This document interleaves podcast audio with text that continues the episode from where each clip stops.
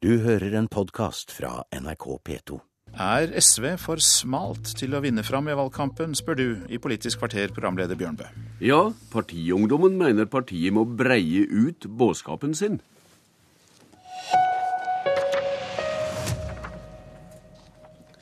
SV må syne fram mer, større, mer, og større politisk bredde i valgkampen. Det har vi hørt lederen i ungdomspartiet SU, Andreas Halse, si i Nyhenda i dag.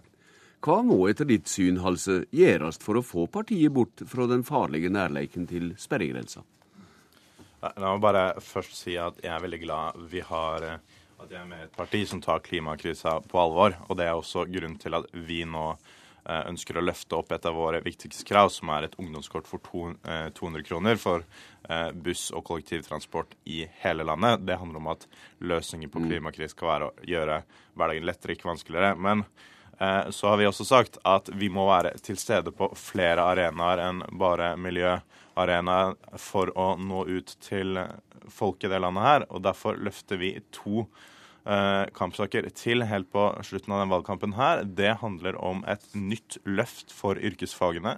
Selv om det har blitt gjort eh, rekordmye med SV i regjering, så er det for mange som ikke fullfører. Det er for mange som har høye egenutgifter, og yrkesfagene har fortsatt ikke fått den respekten de fortjener. Og så handler det om kampen mot voldtekt som er noe som snakkes om hvert eneste år når det er store avisoverskrifter, men som aldri blir prioritert skikkelig i statsbudsjettene.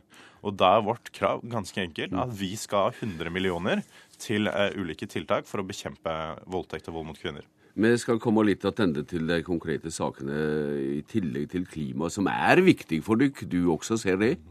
Ja, klima er veldig, veldig viktig for oss. Og, vi tror at veldig mange av de beste løsningene for eh, samfunnet er tiltak som sikrer både klimaet og framtidige arbeidsplasser. Eh, på det allmenne planet. I dag har vi hørt partileder Audun Lysbakken i utspørring her i NRK. Hvordan er det han må ta seg sammen for å vinne fram i valgkampen, slik du ser det? Altså, jeg syns at Audun har hatt en veldig god start, og ved siden av Jens Stoltenberg gjorde en veldig god partilederdebatt. Men litt for snevert, har du sagt?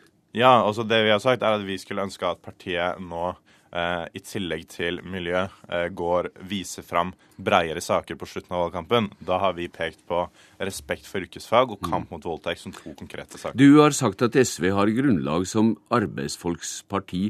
Det er kanskje ikke overtydende sosiologisk grunnlag for å si at det er arbeidsfolk som er kjerna i Viljarskaren, deres? Ja, altså det har vært litt ulikt opp gjennom historien. Altså SV og SF er det eneste partiet som har hatt større andel arbeidervelgere enn det Arbeiderpartiet har hatt. Og så tror jeg at er, når jeg er ute og snakker med folk eh, på arbeidsplassene i LO-forbundet osv., så, videre, så merker jeg at det er et stort potensial for et parti mm. som står til venstre for Arbeiderpartiet, som har gode og solidariske svar på de problemene arbeidsfolk møter. Når det, når det, når det gjelder bredda, Halse, er det mer sykehus, eldreomsorg og jordbruk du etterlyser i valgkampen? Ja, altså Nå har vi pekt eh, først og fremst på arbeidsliv som en konkret sak, hvor vi trenger et parti som tør å utfordre eh, den passive den passive holdninga man ofte har i forhold til direktiver som kommer fra Brussel, som tør å utfordre at i veldig mange bransjer, som bygg og anlegg f.eks., så har eh, faste ansettelser blitt utkonkurrert. Eh, i bytte med vikarbyråer, som tør å ta tak i f.eks. boligkrisa, som mange ungdommer opplever nå, hvor det står tusenvis av kø utenfor, utenfor, hver eneste visning i de store byene. I dag skal det altså åpne dykkervalgkamp, som eh, du har sagt. I dag skal det slå et slag for yrkesfaga, har vi hørt du si. Mm. I hva grad tror du dette tenner arbeiderungdommen? Jeg tror at uh, veldig mange av de ungdommene som går på yrkesfag i dag, ønsker at samfunnet ser de bedre og tar de mer på alvor og gir de skikkelig respekt for den jobben de gjør. Fordi yrkesfagselever i Norge er halvparten av alle elever, men jeg syns ikke de får halvparten av oppmerksomheten eller halvparten av de bevilgningene som trengs. Høyre vil også gjerne slå et slag for yrkesfaget, og skylder regjeringa, og dermed SV, for å ha svikta. Leder i Unge Høyre, Paul Joakim Sandøy, eh, hva eh, må gjøres etter ditt syn? Er du til dømes nøyd med det Halse har kommet framlegg om i dag? Eh, jeg er ikke så uenig i så veldig mye av det, men eh, det er jo verdt å merke seg at SV har hatt ansvaret for yrkesfagpolitikken i åtte år nå. Eh, og en del av det Halse foreslår, hvis han mener at det er det viktigste i valget, og ikke bare en del av en, en breddestrategi, så burde han jo stemme Høyre. Mm. I 2010 så foreslo vi i Stortinget f.eks. Eh, et opplegg for mer relevant teori Eh, andre opplæringsløp enn 2 pluss 2-modellen, og at eh, fagfolk kunne få, få tilbud om eh, pedagogikk, sånn at de kunne lære bort i videregående. En masse forslag som ville gjort yrkesfag, yrkesfagene mye bedre. Og det har SV stemt imot kom vi med ti nye forslag i 2012. SV stemte imot igjen. Så det holder ikke å plutselig skulle være opptatt av yrkesfag når man kommer til valgkampen. Men jeg tror vi er enige om mye av problembeskrivelsen eh, for hva som, eh, hva som trengs når det kommer til yrkesfag. Men for å gjennomføre det, så tror jeg vi trenger en ny regjering. Så du er egentlig sammen med SU-lederen? Jeg er i hvert fall enig i at man trenger mye mer praktisk, eh, praktisk på yrkesfag og mer relevant teori. Eh, vi vet at en, en som går eh, ja, elektriker, har ikke samme behovet for, for den samme matematikkundervisninga som f.eks. noen som går frisør. Og det å tilpasse det her til de ulike yrkene, det tror jeg er veldig bra. Mm. Men så er jo poenget at, at diagnosen i stor grad er riktig, og så kommer det Eh, litt sånn seint, i og med at man har åtte år med, å gjøre noe med det her. Halse, er det så trangt i norsk politikk at du og Unge Høyre egentlig tevler om de samme sakene? Altså, det er veldig hyggelig hvis Unge Høyre er enig i forslagene mine, men men så, så, så, er jo Høyre sitt svar på alt at uansett hva vi vil, så har vi sittet i regjering i åtte år. Så hadde det vært opp til Høyre, så kunne jo, hadde jo ikke vi hatt lov til å ha et partiprogram. Og jeg vil minne om at nå er det rekordmange som får lærlingplass med SV i regjering. Vi har fått gjennomslag for flere veier til fagbrev, vi har fått et arbeidslivsfag på skolen osv. osv. Mens når Høyre satt i regjering, så var det de som fjerna valgfaget for elever. De har stemt mot gratis skolebøker. Og det viktigste tiltaket nå får gjennomslag for, mener jeg, er 50 millioner kroner for å sørge for at skolen blir gratis for alle elever. Høyre har tidligere vært mot gratis skolebøker. Er det sånn at man vil være for eller mot det løftet som vi foreslår nå? Vi skal gå enda litt eh, bredere ut i den eh, bredda du etterlyser. Eh, Sandøy, i går fortalte Dagsrevyen om ansatte i fengselsvesenet som kjenner seg innemura av LOs strenge forsvar av arbeidsmiljølova når det gjelder arbeidstid. Mm. Hvor velkomne er dette i dykkarstrev for å liberalisere arbeidsmiljølova? Jeg tror i hvert fall at det er et av mange eksempel som eh, viser at eh, arbeidsmiljøloven trenger å moderniseres. Eh, det er viktig med en, med en, god og trygg arbeidsmiljølov, men vi har jo sett ja, vi så dette eksempelet. Vi også vet at mange sykepleiere ønsker å kunne få, få lov til å velge mer, flere alternative turnusordninger.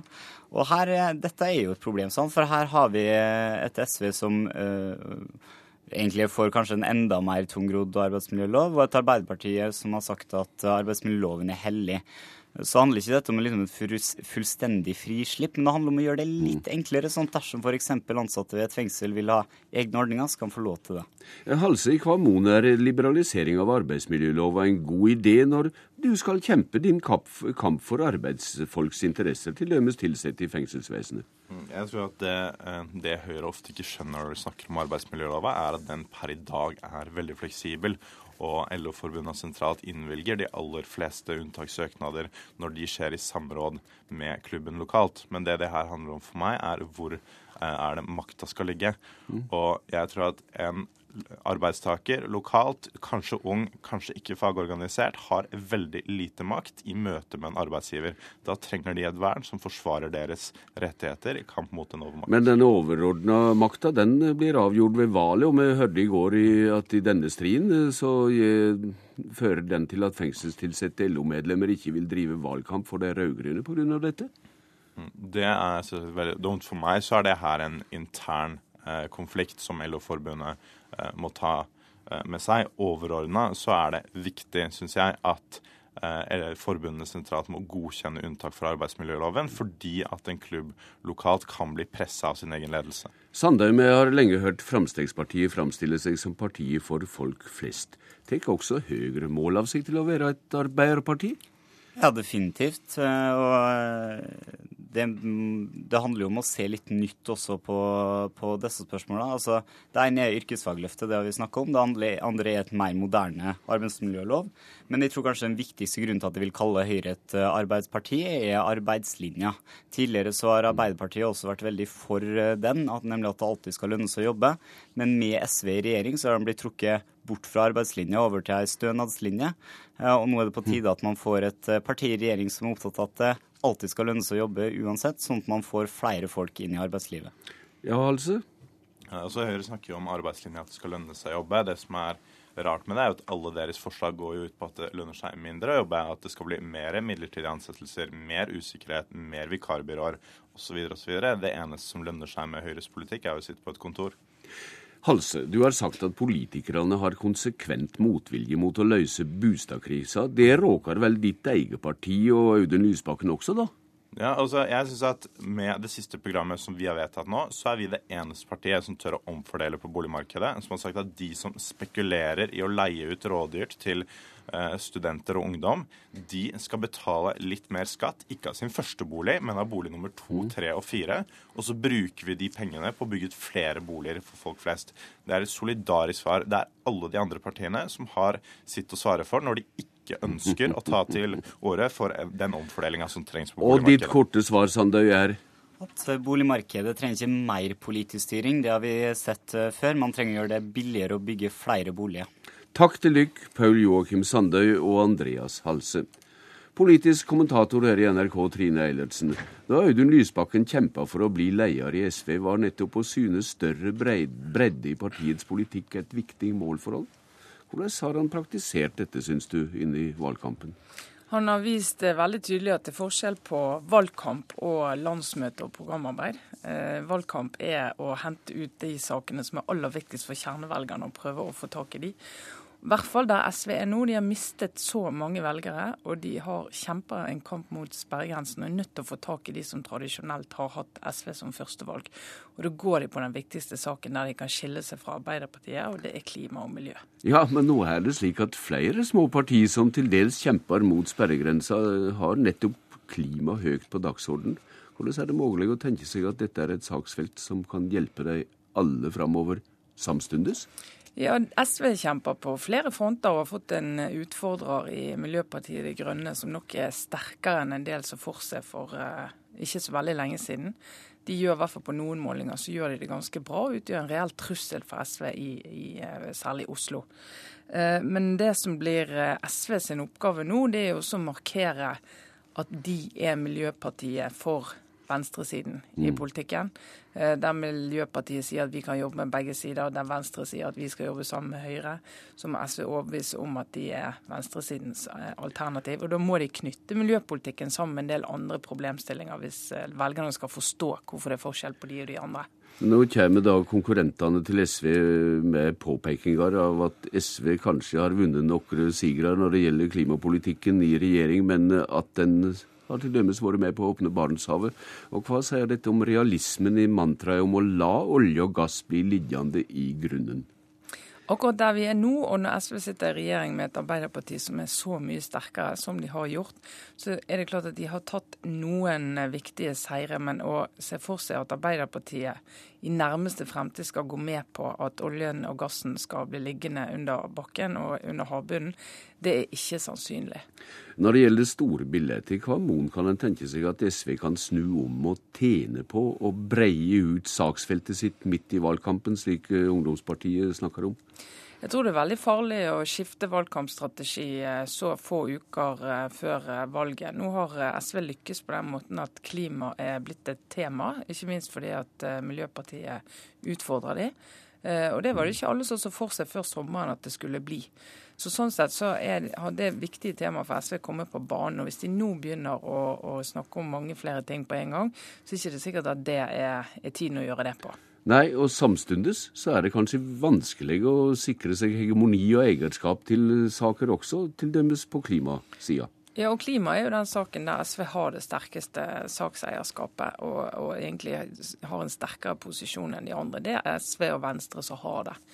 Å begynne å, å, uthule den nå, særlig når de har den posisjonen de har og kjemper mot sperregrensen, det det er risikabelt. Så det blir spennende å se, for SV har veldig lite å tape og alt å vinne.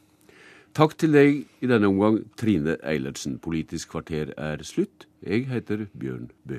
Du har hørt en podkast fra NRK P2.